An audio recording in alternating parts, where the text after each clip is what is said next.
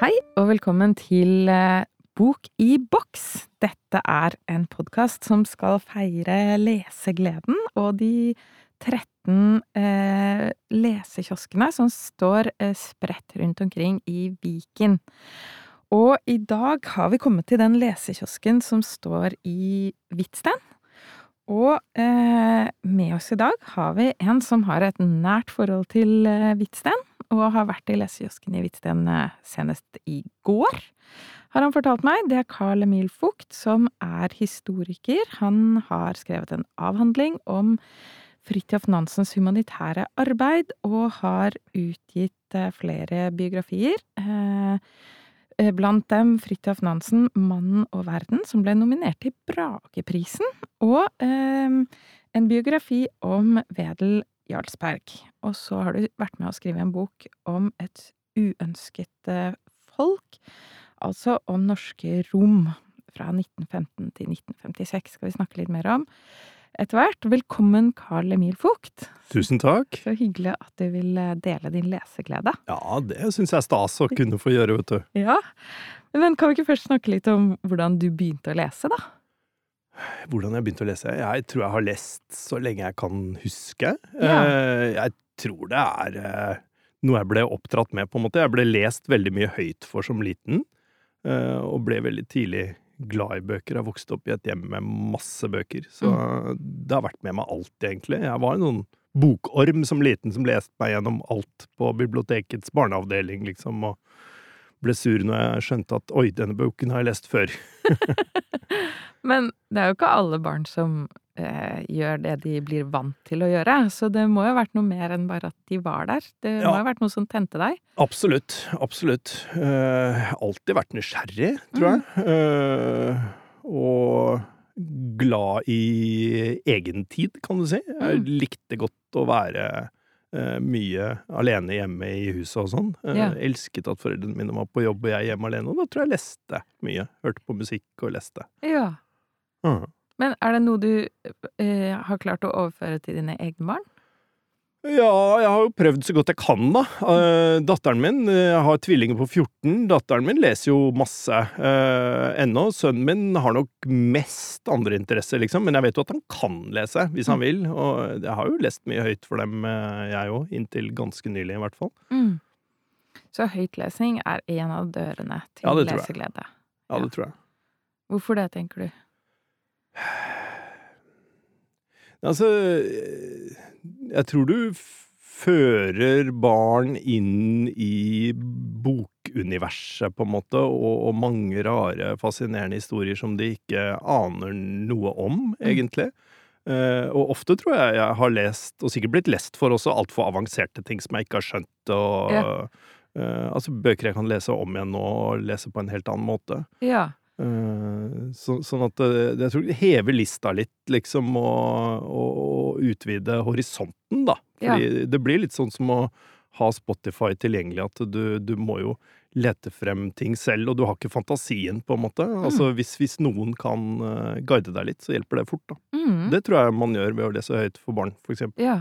Og legge lista litt høyt. Det Ja, syns jeg var fint at du sa. Av og til kan man gjøre det, i hvert Ja, fall. ja, ta en litt for vanskelig bok. Ja. Ja, men mener du det? Eh, ja, altså Du bør jo kanskje ikke ta altfor hardt i, eh, selvfølgelig, men, men, men jeg tror at det, altså, litteratur kan jo alltid leses på veldig mange forskjellige plan. Mm. Altså eh, jeg kan jo også ha stor glede av uhyre enkle barnebøker, liksom, som Ja. kan ha et ganske komplekst eh, eh, budskap for min del, da, som Mm. barna sannsynligvis ikke, ikke ser. Men, eh, men eh, kanskje de gjør det også, liksom. Altså at Ja. de får med seg noe av det, da. Mm. Ja, jeg tenker det. Men jeg skal ikke begynne med å lese din Fridtjof Nansen-biografi for datteren min på Nei, altså den tror jeg ikke min datter har lyst til å lese heller, for å si det sånn. Men hvorfor ble du interessert i Fridtjof Nansen, da? Ja, det var litt tilfeldig, egentlig. Altså, jeg har jo ikke vært så veldig opptatt av liksom, nasjonale helter og sport og sånn, men, men øh, jeg kom inn i det via russlandsinteressen. Jeg har alltid vært interessert i Russland og lærte meg russisk og sånne ting, så jeg fikk tips om det jeg begynte på hovedfaget mitt i historie, om at det fantes en del materiale som ingen hadde sett på før. Mm. i russiske arkiver, da, fra da han drev hjelpearbeid i Russland på 20-tallet. Sammen med Quisling. Ja, faktisk. Mm. faktisk. Så, så det syns jeg var spennende, da. Og jeg hadde lyst til å kikke på det, liksom. Og så Da dro du til Russland, da. Eh, Dro jeg til Russland, ja. Hadde noe studieopphold der hvor jeg gikk i russiske statsarkivene, gamle kommunistpartiets arkiver, hvor det lå sånne Marx og Lenin-hoder under trappen, liksom. De hadde gjemt dem bort, men ikke helt kastet dem på dynga, på en måte. Slutten av 90-tallet der. Det var ganske spennende, da. Det Ja, det. kan jeg tenke Mm. At det var en spesiell atmosfære da, akkurat da. Veldig, veldig. I brytningen. Ja, 90-tallet i Russland var veldig morsomt på mange måter. Det, Mm. var, det var gøy å være utlending der da, liksom. Du Ja. fikk masse plusspoeng eh, i utgangspunktet. Mm. Uh, senere så er jo uh, russerne på en måte ikke like uh, begeistret over oss, da. De er blitt en del av den globale, normale verden, på en måte. Ja. Ja, men da hadde landet vært så lukka. Ja, så Mm. da var det sånn at det var litt stas ennå, med vestlige folk, Ja. da. Eh, Ja. Så det var gøy. Og en veldig sånn omveltende tid, da. Ja, ja. Mm. Nei da. Så det var Russland som var inngangen til Nansen. Det var det. Ja. Mm, og liksom det humanitære engasjementet hans. Mm. Og eh, altså, det var jo en stor eh, hungersnød. Ja. Det var derfor Nansen var der. Det var derfor Nansen var der. Så det var en voldsom hungersnød som tok livet av kanskje opptil fem millioner mennesker i er helt vilt å tenke på. Ja. Vi lærer jo veldig lite om dette. Nei, altså Mange har jo hørt Her. litt mer om, om den uh, sultkatastrofen på 30-tallet, ikke sant, som Mm. var enda mer menneskeskapt. Kollektiv, tvangskollektiviseringen til Stalin og sånn. Mm. Og den, eh, den vet vi jo litt om, men den eh, rett etter den russiske revolusjonen, den hører vi veldig lite om, da. Ja, hva var det som satte det i gang, da?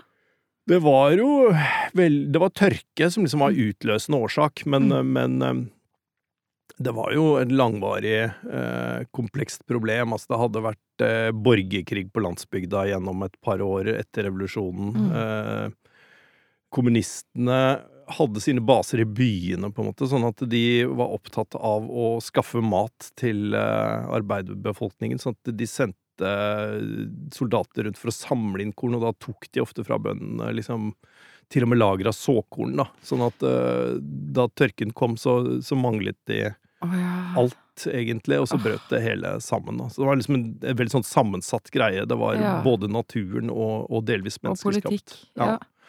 Men, og, men hadde de, levde de da i etterdønningene av den store globale pandemien som nettopp hadde herjet Ja, det kan verden? du si. Altså, Det var jo spanskesyken. Ja, altså spanskesyken vet jeg faktisk ikke om var så voldsom der, men, men de hadde jo tyfusepidemier og kolera og, og den type ting. Og det, så, Når du sier at fem millioner mennesker kanskje strøk med, så er jo det mye av epidemiene som følger i eh, I fotsporene. fotsporene, kjølvannet på en måte av, av, av selve sulten, da. Ja, ikke sant? For 100 millioner døde i spanskesyken. Ja, det er jo helt vilt. Det er helt Ja. vilt. Så noen må jo ha Det må ha vært også Ja, så det kan godt ha vært spanskesyke også. Eh, Det er Mm. klart, dette var jo litt etter at spanskesyken var 1919 særlig, var det ikke det? 1919, 18, 1920. Ja, nei, det var helt på slutten av, ja, av første verdenskrig. Nettopp. Men Mm. uh, ja, jeg bare prøver å lede sporet fra Mm. liksom pandemi da til pandemi nå. Ja. Har, du, har du fått lest ekstra mye under pandemien? Eh, Ja, eh, det har jeg vel egentlig. Mm. Eh, Jeg bestemte meg ganske tidlig for at jeg skulle utnytte tiden til å lese Ja, mer enn Ja. vanlig. det var et forsett. Ja, ja, ja. Så jeg prøvde å sette i gang barna også, da. Ja. Hva, hva skjedde der? Jo, med et visst, eh, med et visst hell. Jeg lot meg, dum som jeg var, inspirere av Vidar Kvalshaug, som uh, hadde et slags eksperiment med egne barn hvor han skulle betale dem for å lese. Så jeg satte opp sånn lesekonkurranse, og så skulle de få så og så mye penger og greier. Da. Det var veldig dumt av meg, selvfølgelig. Men uh, nei, altså, datteren min kom i gang og leste masse, litt. og sønnen min uh, klarte vel å lure til å lese de 40 første sidene av Ringenes herre eller noe sånt, og så strandet det, da. Så penger er nok ikke en god nok motivasjon. Nei, jeg tror ikke det. Eh, det lærte jeg. det lærte du the hard way. Det må komme innenfra, tror jeg. Ja. Ja, det må Mm. det. Det må være en ekte sånn nysgjerrighet Mm. på hva som står i denne boka. Mm. Um, skal vi snakke litt om den boka du har lyst til å legge igjen i lesekiosken, da? Ja. Det er jo veldig gøy. Det er jo en bok jeg aldri har hørt om før. Nei. Det er jo en rar liten bok. Ja. eh, Og grunnen til, at jeg, grunnen til at jeg velger den, er på en måte at det er en, en av de bøkene som jeg syns er litt rar og morsom, som står i hyllene der på, på, på hytta i Hvitsten. da. Ja. Eh, For den er skrevet av eh, en som heter Alexandra Taulov. Men hun var jo født Lasson, da, sånn at hennes eh, barndoms somre, liksom, det tilbrakte hun der i Hvitsten. Ja. Uh, hun er en av disse berømte Lasson-døtrene. De var jo ti, uh, ti barn, og så var det vel to brødre, tror jeg, og resten uh, jenter, da. Ti barn av hvem? Av regjeringsadvokat Christian Lasson. Ah, som er Hvitsteins stolthet. Ja, på mange Ja. måter er han jo det, selvfølgelig. Og ja.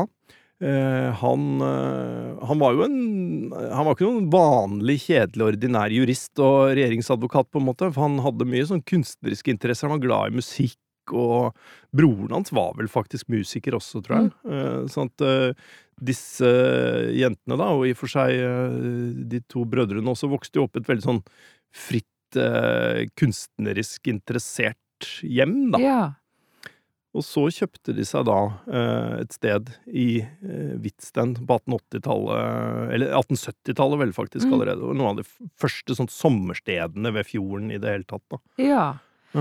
Fordi grunnen til at du har vært mye i Hvitsten, er at eh, din familie har sommersted Ja, på ja. Så det, det er sånn linken er, da. Så det er jo faktisk Vi, vi tilbringer somrene i gjestehuset til familien Lasson, da. Så det er jo litt morsomt. Og her er boka hennes. Der står den, og den Ja. heter Mens Fritz Taulov malte, og er en slags erindringsbok, men den er veldig sånn impresjonistisk. Mm. Scener og mye rare ting eh, hun husker eh, Kan man si hulter til bulter? Ja, veldig hulter til bulter, og noen av dem er jo kjempeinteressante. Mm. Eh, og på det beste så er det glimrende skrevet og observert. Ja. Eh, og det gir liksom et innblikk i en helt annen tid, da, Ja. eh, som jeg syns er morsomt. Og så, og så har du eh, et innblikk i en litt sånn alternativ kunstnerkrets eh, rundt 1900, på en måte, for det er liksom årene hun tilbrakte sammen med mannen sin, Fritz Taulov, da, Mm. berømt maler som slo gjennom også internasjonalt Mm. eh, i Paris, Dieppe, så det er stort sett i Frankrike, da, det hun Mm. beskriver. Det er mye kunstnermiljøene i Paris, egentlig. Mm. Ja, det er veldig fascinerende. Jeg kan bare lese fra begynnelsen. Ja. Ja, tror du at hun hadde noe sånn Altså at hun virkelig tenkte som en impresjonist når hun skrev? Ja, godt spørsmål, fordi det er jo litt sånn Det er det jeg Ja. også tenker. Det er litt sånn impresjonistisk skrevet. Inntrykk Ja, der, inntrykk der, scener Det er veldig sånn lyset, hvordan lyder Det er veldig sanselig skrevet, på en måte. hun var jo kunstner selv også. Hun holdt jo på med skinnarbeider særlig, Ja, nettopp, ja. ettersom jeg har skjønt. Mhm. Hun skriver Jeg har forsøkt gjennom denne samling inntrykk Ja. fra de årene vi levde i Frankrike, at fortelle om noen av de mennesker som vi kom i berøring med, og som sto oss nær. Det er blevet avbrutte bilder og løsrevne situasjoner. Og det mm. Hun lager seg en poetikk for hvordan denne boka skal være. Mm. Det er, Ja, ja, det er, det er inntrykk. Ja, ja. Akkurat som impresjonismen er inntrykk. Vi reiste meget alltid, vår og høst, for at male studier. Det var et ustanselig jag. Opphopen av nye navne, nye ansikter. Meget av verdi er gått meg forbi, dessverre. Eh, Min forestilling fra den tid ligner mest Det vandrende fortau, som første gang ble demonstrert i Paris på verdensutstillingen 1900. En uavbrutt strøm av mennesker løste sin billett og gled forbi høyt oppe over utstillingsplassen. Ja, det Fantastisk. fantastisk. Det er fantastisk, faktisk. Et veldig fint bilde. Hun har noen helt utrolige formuleringer. Ja. Og så elsker jeg den eh, formuleringen hun har om sin mann. da, altså Fritz Terlo han døde jo i 1906, og denne boken her kom 23 år Nei. senere. Ja. Ja, Så, så Terlo var død lenge før. Eh, men hun, eh, det er jo på en måte hans krets hun beskriver, og, og da skriver hun om ham at han var solen i sitt eget univers, skriver hun. fordi, Nesten en slags solkonge, da. Ja, men det har han nok på et vis vært også. Men en veldig sånn godlynt og, og, og hyggelig og vennlig fyr. Altså Han hadde en stor formue som han hadde arvet fra faren sin, og den brukte han jo mye til å hjelpe folk og strødde ut Ja. penger eh, både her og der. Og han var jo en veldig sånn internasjonalt orientert kunstner. Ja. Um, og det er litt interessant fra norsk uh, synspunkt, fordi han kranglet jo mye med nasjonalistene, liksom. Mm. Uh, Hun beskriver jo ikke diskusjonen hans med norske kunstnere, egentlig, men hun beskriver en diskusjon han hadde med, med Krøyer, altså den danske Skagen-maleren, ikke sant?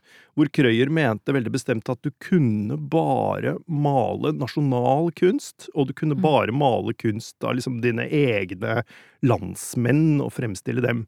Mens for Taulo så var det helt meningsløst. Han mente at kunst fant du overalt i verden. Mm. Kunsten var grenseløs. eh, Mhm. Det gode motivet var hvor som helst, liksom. Ja. Eh, og dette står det jo ikke om i, i boken, da, men, men i Norge så hadde jo Taulov en veldig sånn eh, diskusjon med, med nasjonalisten i norsk kunst, som han i og for seg hadde stor respekt for, sånn som Erik Wernskjold, for eksempel. Da, Mm. eh, hvor eh, hvor eh, Taulov hadde kjøpt en statue av Rodin, for Rodin er en av skikkelsene som går igjen i denne boken. En stor fransk skulptør, ikke sant, og den heter Ja. Borgeren i Calais, ja. og den står på Solli Solli plass. Mm. Men egentlig så skulle den stått på Egertorvet. Altså Christian Krogh, Taulov og Rodin hadde sammen på en måte diskutert hvor i Oslo skal den stå. Jo, det er jo en sånn bystatue. Det må Mm. stå liksom i det mest bymessige stedet i Oslo, og det er Egertorvet. Var det. De Mm. var helt klart Der var det liksom folkemengder og tommel, og der hadde du byfølelsen. Så der skulle den stå. Men da ble de motarbeidet av blant annet Wernskjold og nasjonalistene, som mente liksom at nei, på den plassen så måtte det stå et viktig kunstverk av en norsk kunstner. Sånn at Oslos fineste statue, Borgeren av Calais, som er gitt til byen Mm. av Fritz Taulov, den er på en måte gjemt bort litt sånn stemoderlig på Solli plass. Og den skulle stått på Egertorvet. Fins det noen statue på Egertorvet i dag? Nei. Nei! Ikke av noen norsk kunstner engang! Så at, jeg si jeg, det, altså, det illustrerer veldig godt Ja. den utrolig sånn internasjonalt, bredt, kosmopolitisk orienterte kretsen Ja. som hun beskriver i den boken. Da. Ja, ja, ja. Ja, for jeg husker jeg snublet forbi den borgeren i Calais. eh, Du på legger nesten ikke merke til den. Den står på siden sånn Ja. Den står ikke engang sånn ordentlig fremhevet midt på plassen. Den står liksom på siden. Eh, alle som har anledning til det, må dra og se det. Det er jo, det er jo Jeg det er helt utrolig at vi har den. oppussing eh, nå, men den er vel på vei tilbake snart, tror jeg. Så Ja. det, ja, så det, Det er er, jo kanskje det viktigste sånn. kunstverket som står i offentlig Og det er gitt til kommunen da, Ja. av Fritz Taulov. Og skuslet bort. Eller Kunstnernes hus sto han bak, og Høstutstillingen sto han bak. Ja. Han, han var jo en veldig viktig kunstner, også for miljøet i Norge, da. Ja, ja, ja. Han satt ikke bare nede i Paris og Mhm. snakket med verdenskunstnerne, på en måte. Mhm. Men hun kona hans må jo ha hatt, eh, vært litt av en karakter, hun òg. For hun har jo virkelig en tydelig stemme Veldig. når hun forteller. Veldig. Hun var, Eh, hun var ikke un, liksom helt underdanig underdanig, patriarken. Nei, på ingen måte. Hun er jo veldig viktig, og det skjønner vi jo på Mm. det hun skriver. eh, At hun, hun har eh, og, og det syns jeg også er interessant, at du får dette fra et kvinneperspektiv, Mm. egentlig. For hun ser andre ting enn det eh, disse mennene gjør i sine egne rendringsbøker. Ja, ja, hva mener du da? Fortell. Nei, er, jeg tror hun ser mye av de menneskelige tingene. Altså for eksempel så skildrer hun jo eh, August Strindberg, som er ordentlig riv ruskende gal. Liksom. Han er inne i dype psykoser liksom, Ja. når han kommer på besøk til dem, og det er jo ikke bra. Han har forfølgelsesvanvidd og eh, men, men da er hun opptatt av hans unge kone, som han akkurat har giftet seg med, og som han Mm. behandler forferdelig dårlig, ikke Mm. sant? Og virkelig, virkelig eh, ja, mishandler psykisk, på en måte, da. Mm. Sånn at eh, hun har det jo ikke bra. Og det er jo sånne ting som, som hun som kvinne ser på en helt annen måte enn en Ja. mann hadde gjort, tror jeg, da. Ja, ja, ja. Eh, Men hun, samtidig så har hun jo en godhet for Strindberg, og eh, Mm. det har jo mannen hennes også, for de sender ham jo liksom hjem til Sverige med tog, da, og da sørger de for å betale en fyr for å følge ham hele veien hjem, fordi Ja, det er jo en ekte omsorg i det, Ja, og så skriver hun at han, han kom seg jo fint etter det, og skrev liksom store ting. eh, Inferno kom liksom et år Mm. etterpå, sånn, sånn at han, han kom seg over denne psykosen, eller hva det har Mm. vært, da. Mm.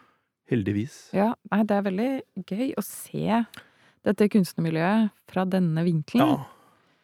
Eh, ja, og noe som også gjorde sterkt inntrykk på meg, var liksom beskrivelsen av Oscar Wilde. Fordi han kommer uh, rett ut av fengsel, egentlig, i Mm. Storbritannia. Mm. Uh, og Etter å ha vært fengslet Ja. fordi han var homofil. Ja, ja. Så, og, og det sjokkerende er på en måte hvordan uh, Hun beskriver hvordan han kommer inn i en kafé, uh, tror det er i Dieppe, hvor, hvor uh, Taulov bor, da. eh, Alexandra og Fritz. Og så reiser alle engelskmennene som sitter der seg, og går ut, for de vil ikke være i samme rom som ham. Ja. Altså eh, hvordan han ble eh, motarbeidet konsekvent, da, og Og det, altså, det, det fallet det innebærer fra å være den mest feirede, Ja. den absolutt mest feirede forfatteren i England på Ja. den tiden, til at eh, engelskmennene ikke vil være i samme rom som han. Ja, det er helt grusomt. Og han ble jo knust av det Ja, ja. Det var Så de det ble jo som kjent med ham da, og hun Mm. beskriver ham jo liksom som en, en fremdeles veldig sånn velkledd og vittig mann, liksom, men du kunne jo Mm. se på ham at han var fattig, liksom klærne var ikke Ja. lenger i helt god stand, og så han døde jo uh, ikke så lenge Mm. etter uh, at de dro hjem til Norge, da, med, uh, på et lite hotellrom i Paris. Mm. Ja, det er en Det er en trist historie. veldig tragisk skjebne. Ah.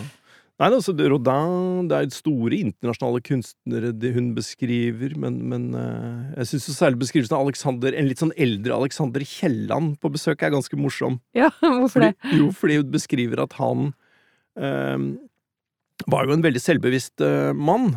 eh, og så skulle han ut og sprade på byen, og da tok han på seg eh, noen bukser som eh, han hadde fått sydd i Hamburg for 30 år siden, som hun sier.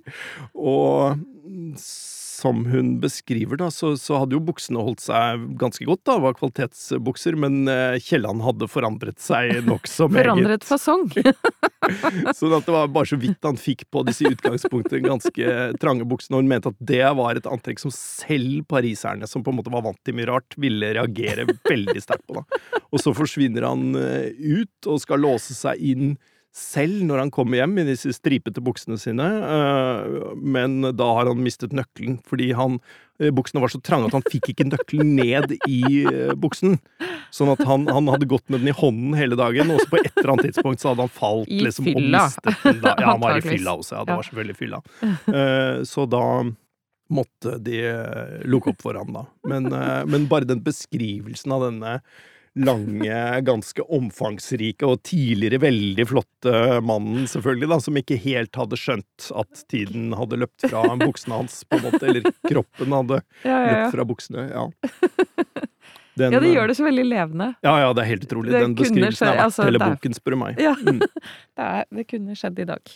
Det kunne helt fint skjedd i dag. Ja, Bortsett fra at i dag hadde vi ikke hatt bukser som var 30 år gamle. da. Det Nei, sier jo litt om sant. kvaliteten på For han var veldig stolt av den skredderen i Hamburg. Han Ja, kunne bare skrive til ham og bestille hva som helst, når han ville. ja. ja, da er du på topp, ass. Ja.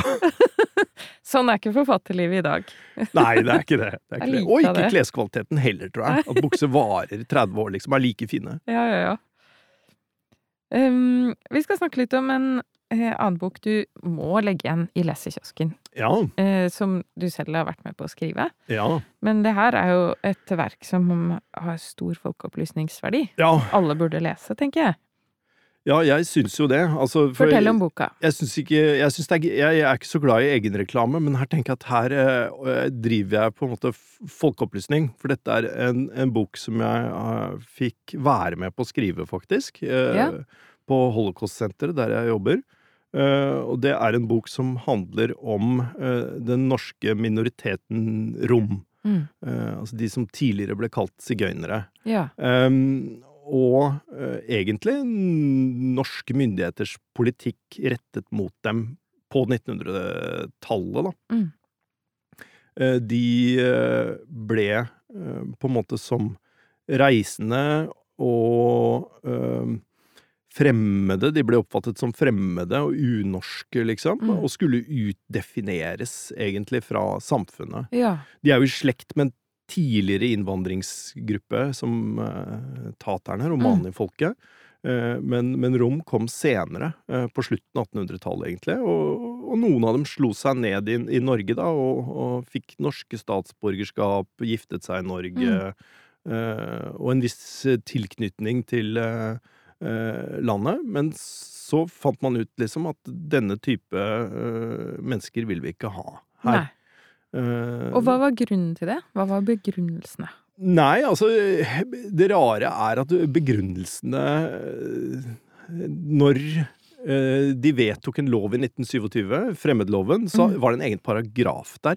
eh, som senere ble kalt for sigøynerparagrafen, hvor det sto rett ut at sigøynere eh, og eh, andre omreisende som ikke kunne liksom bevise at de hadde norske statsborgerskap, de skulle Mm. ut av landet. Mm. Eh, og da eh, Pål Berg, eh, Venstres eh, justisminister, senere høyesterettsjustitiarius og leder av Hjemmefronten, Mm. eh, presenterte denne loven for Stortinget, så sa han at det, det trenger ingen videre begrunnelse. Oi. Det Eh, er selvsagt. vi- Så det er helt tydelig at dette var selvsagt for alle, at denne type, må vi nesten si mindreverdige Mm. eh, mennesker eh, som de ble betraktet som, eh, ville vi ikke ha her, Ja. rett og slett. Eh, Men er det det omreisende jeg tror det har det? mye med det omreisende å gjøre. Det At man at ikke har en fast de bopel? ble betraktet som eh, Ja, ikke hadde en fast bopel.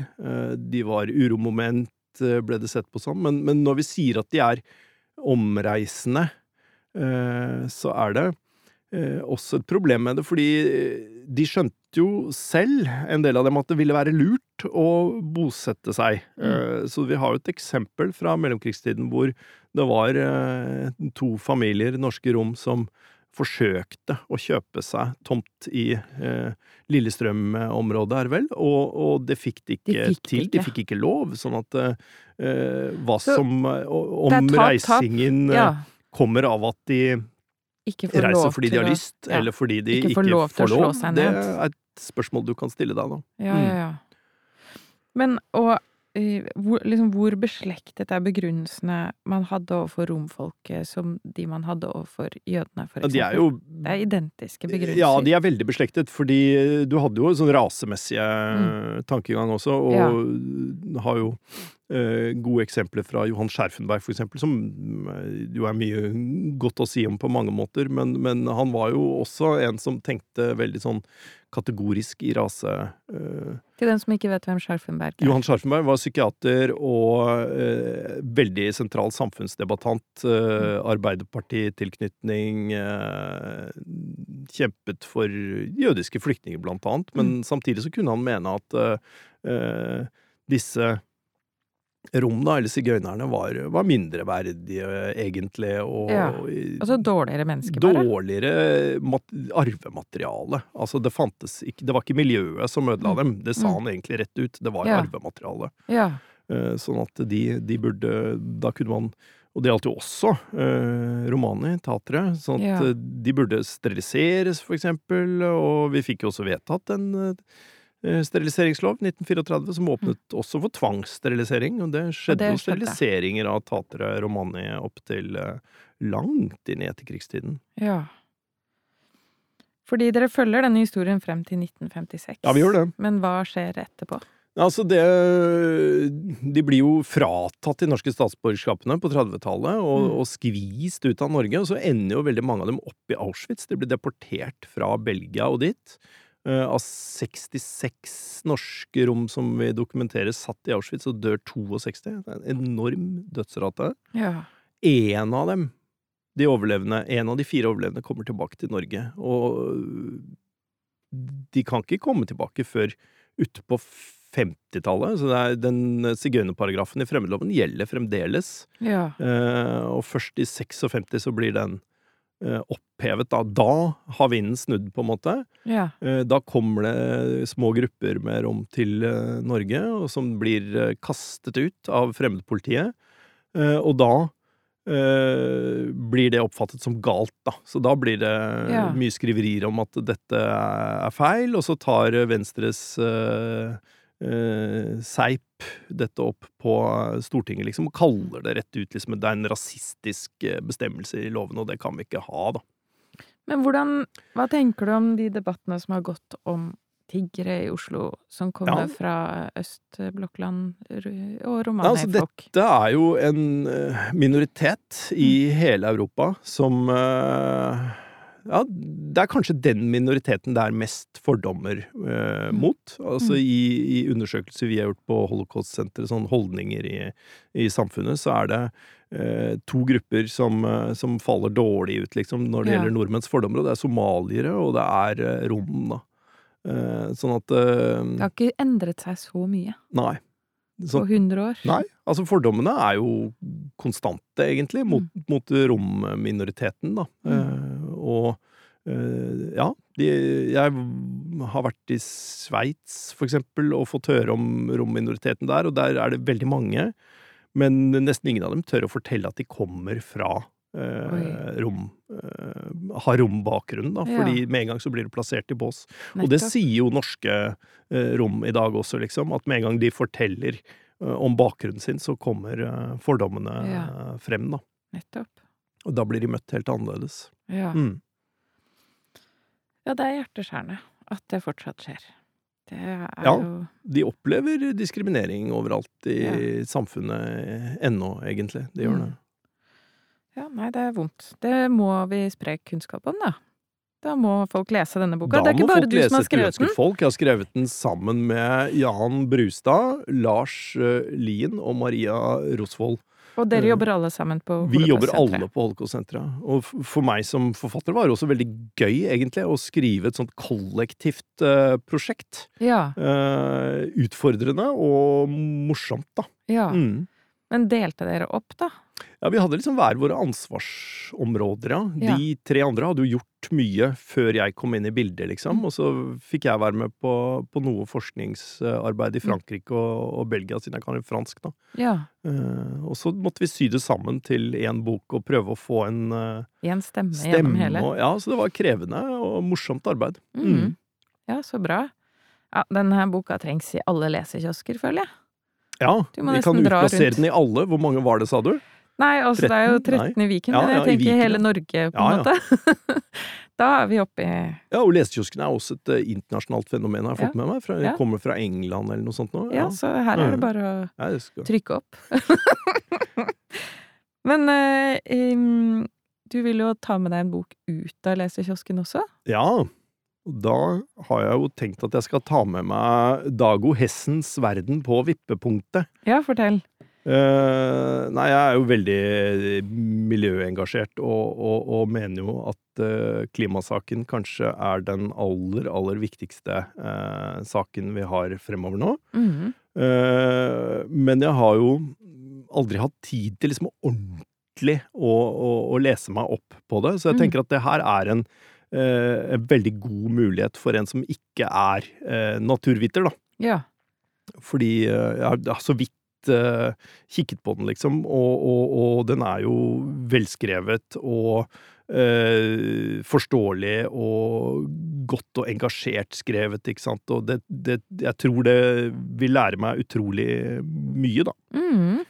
Uh, For jeg tenker at det er Det er en viktig bok eh, som, som alle, alle burde lese, egentlig. Når vi kommer litt ut av eh, koronaboblen, eh, så er det her en krise av helt andre eh, dimensjoner, altså, som, eh, som vi må, er nødt til å ta tak i. Det er jo eh, det er interessant at denne boka kom ut rett før, eh, før pandemien. Ja. Fordi det er nesten som om pandemien kunne være det vippepunktet, Ja, da, som man ja, etterspør. Nei, og jeg ser jo at uh, det er skrevet et ekstra lite nytt etterord om korona i Ja. den utgaven som jeg eh, skal ta med meg, så det er jeg spesielt spent på, da. Ja, for han prøver jo å argumentere i boka om hvordan vi skal få alle til å snu. Ikke Eh, sant? Og det er jo fryktelig vanskelig å få mennesker til å snu, for mennesker er jo Av alle arter på denne jorda, så er jo vi de mest eh, forskjelligartede. Mm. Vi alle har jo forskjellige agendaer, trossystemer. Vi er jo ikke helt som andre Nei, flokkdyr, da. Vi er jo halvt individualister og halvt uh, flokk. Ja. Men nå har vi jo agert som én flokk, og vi har jo lagt av oss en del vaner. ja. Altså, det er jo vanskelig å se for seg at vi skal bare hoppe på et fly på en helgetur eh, til Paris. på samme måte som før. Altså at både Altså, ting har blitt dyrere, og vi har jo endret bare vaner. Ja. Men den er jo veldig fin i å beskrive hvordan Ja, ikke sant. Hvordan arter og eh, miljøer endrer seg, Mm. og kan endre seg plutselig veldig fort når Mm. man har eh, Når man har gjort noen små endringer i naturen, så får det veldig store eskalerende konsekvenser. Ja. Så den er litt skummel å lese. Er litt skummel å lese. Men, eh, ja, men jeg gleder meg likevel. Men den er skrevet eller, av en pedagog. Ja, ja, han er jo kjempedyktig formidler og, og, og også fagmann, så, så Mm. jeg eh, Du er i trygge hender da. Ja, jeg ser frem til liksom å, å bli litt eh, opplyst, da. Ja. Mm.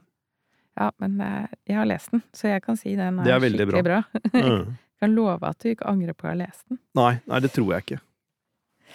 Ehm, på Hvitstein så er det ikke noe eh, bibliotek. Der må man ta til takke med lesekiosken. Men hvis, eh, hvis du som hører på har lyst til å gå på et bibliotek og finne frem det som ikke er i lesekiosken, så er det en kort vei til eh, Son, hvor Son bibliotek holder til med rett ved havet og eh, i, på torget.